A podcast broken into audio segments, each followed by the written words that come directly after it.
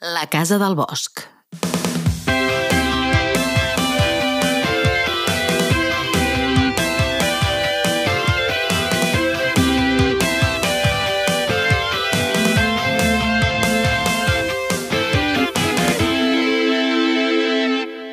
Capítol 2 En Sam, la Paulina, la Tina i en Ton estan al menjador davant de la llar de foc, observant l'olla misteriosa. La Paulina i en Sam no triguen ni un segon a explicar als seus amics el que els acaba de passar. I la Paulina comença amb les explicacions. Flipareu!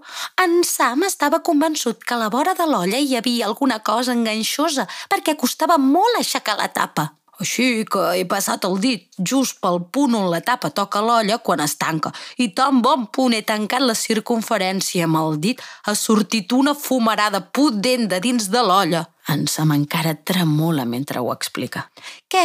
Flipeu o no flipeu? I tant que estan flipant. La Tina i Anton al·lucinen. Directament no s'ho creuen. Anton s'acosta a l'olla i no sap si tocar-la o no. La Tina se la mira de lluny. Allarga el braç i amb la punta del dit índex toca la vora de l'olla. No està gaire convençuda. Així que en Sam pren la iniciativa i no dubta ni un moment en fer-los una demostració. Passa el dit resseguint la vora de l'olla misteriosa. Ressegueix la circunferència, tota la circunferència, just pel punt on la tapa toca l'olla quan es tanca. Ho fa amb precisió d'investigador, però no enganxa per enlloc. I no surt pas cap fumarada de l'olla. La Tina fa cara de decebuda. Aquí no ha passat res.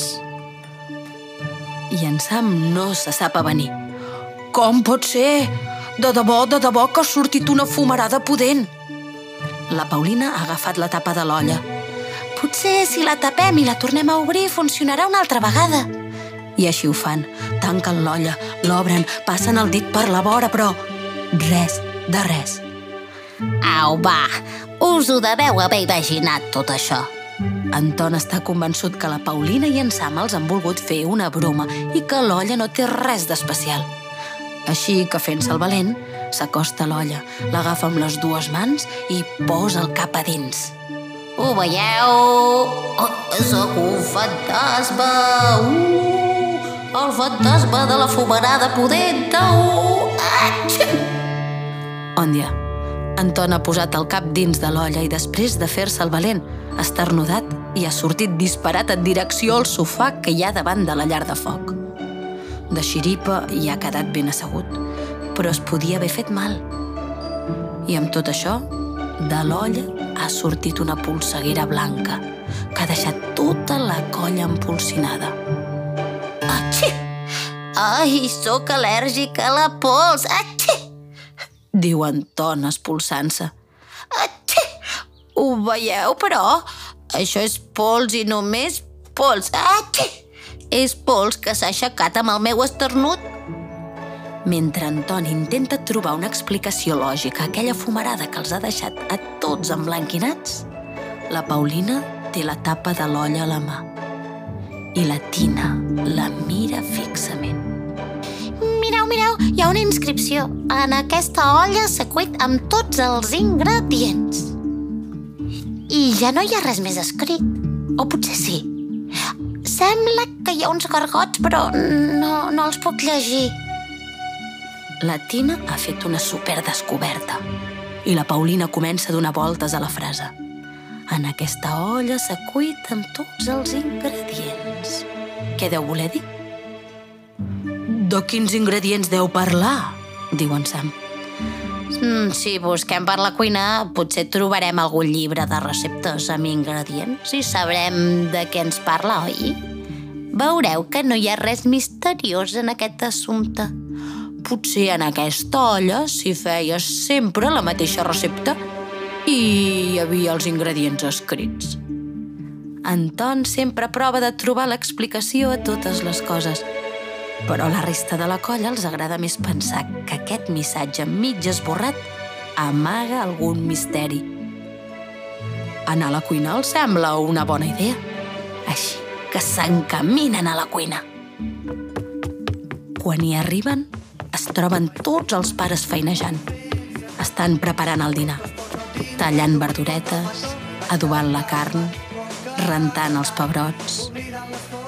I als grans no els fa gaire gràcia que la canalla corri per allà. Així que de seguida la mare de la Paulina els encarrega una feina. Porteu les motxilles a la vostra habitació, que aquí al mig no hi fa res de res. La colla decideix fer-li cas. De totes maneres, tampoc podrien posar-se a buscar cap llibre de receptes amb la cuina plena d'adults enfeinats fent el dinar. Saben de sobres que quan els grans estan a la cuina, val més deixar-los tranquils. Amb el menjar no s'hi juga. Així que agafa les motxilles, tanquen la porta de la cuina i pugen al primer pis de la casa del bosc a buscar les habitacions. Van per la casa carregats amb les motxilles i amb els ulls ben oberts, a veure si troben alguna cosa relacionada amb els ingredients secrets. Algun llibre, algun quadre. És una casa molt vella, amb el terra de fusta i els graons cruixen quan la canalla hi recolza el seu pes. A la paret de l'escala hi ha tot de quadres penjats. Dibuixos d'herbes remeieres, flors premsades i emmarcades, aquarel·les de fades i follets.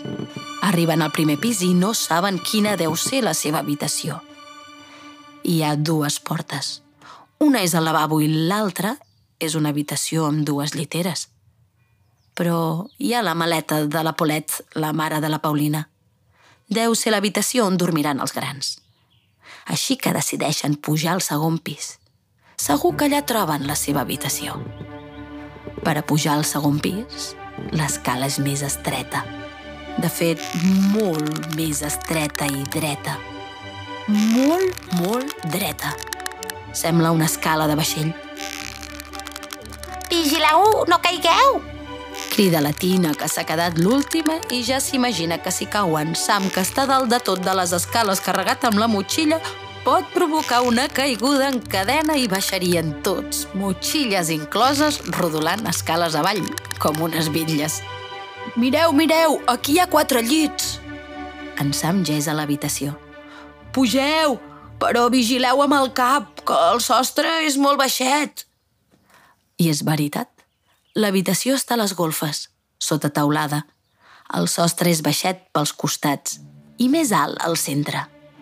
L'escala arriba directament a l'habitació per un dels costats baixets. A l'esquerra de l'últim graó hi ha una finestra que no es pot obrir. En Sam està mirant pel vidre. Cal estirar-se a terra per mirar-hi i no xocar amb el cap al sostre. Des de la finestra es veu el bosc i la barbacoa on els pares estan començant a preparar el foc. Just davant de l'escala hi ha quatre llits, un al costat de l'altre. El capçal dels llits és a la part més baixeta de la taulada. Quina passada! Sembla l'habitació dels tres ossos de la Rínxols de... La Paulina està tota emocionada. A la Paulina li encanten els contes.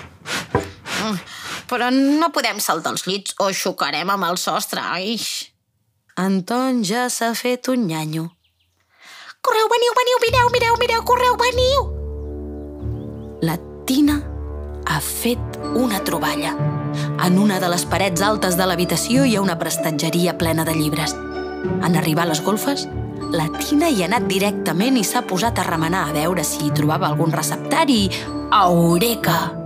Mireu què hi diu! Mandonguilles que fan riure, magdalenes de la por. És un llibre de receptes. Les hem de fer. La Tina s'asseu a terra, repenjada als peus del llit, i comença a fullejar el llibre de receptes. Anton, incrèdul, s'estira al llit de la Tina i treu el cap per sobre de l'espatlla de la seva germana per observar la troballa. En Sam deixa de mirar per la finestra i es llença al llit. Tan llargarut com és, treu el cap per l'altra banda del caparró de la tina. Junts comencen a fullejar el llibre i a llegir els títols de les receptes. La Paulina, mentrestant, s'acosta a la llibreria i es posa a xafardejar els altres llibres. li criden molt l'atenció. Tenen alguna cosa especial. Potser és la pols que els cobreix, el color de les tapes mig descolorides, l'olor dels fulls. N'ha obert un que està en blanc. Mireu, aquest llibre està en blanc. Potser és un llibre de tinta màgica i amaga la part de la frase que ens falta per desxifrar l'enigma de la tapa de l'olla. En Sam de seguida connecta idees. Potser sí. Potser està escrit amb una d'aquelles tintes especials i perquè es pugui llegir cal tirar-li suc de llimona. Per la finestra he vist que al costat de la barbacoa hi ha un llimoner. Voleu que ho provem? Anton no ha trigat ni un segon en desmuntar la teoria d'en Sam. Segurament no és un llibre, només és una llibreta. Però en Sam no se l'ha escoltat i ja està baixant les escales per anar a buscar una llimona. Espera'm que vinc! La Paulina baixa les escales de tres en tres. Ara la Tina no sap què fer, si seguir mirant el llibre de receptes o anar a buscar una llimona amb en Sam, perquè realment sembla un llibre màgic. I pot ser que amagui algun text que els ajudi a resoldre l'enigma de la frase inacabada que està escrita a la tapa de l'olla. Però és que el llibre de receptes sembla ben bé que estigui escrit per a fer encanteris. Espaguetis d'abraçades, verduretes de petons... És molt sospitós. Què creieu que farà la Tina? Què faríeu vosaltres? Escolteu el capítol 4 i descobrireu què fan els tres amics.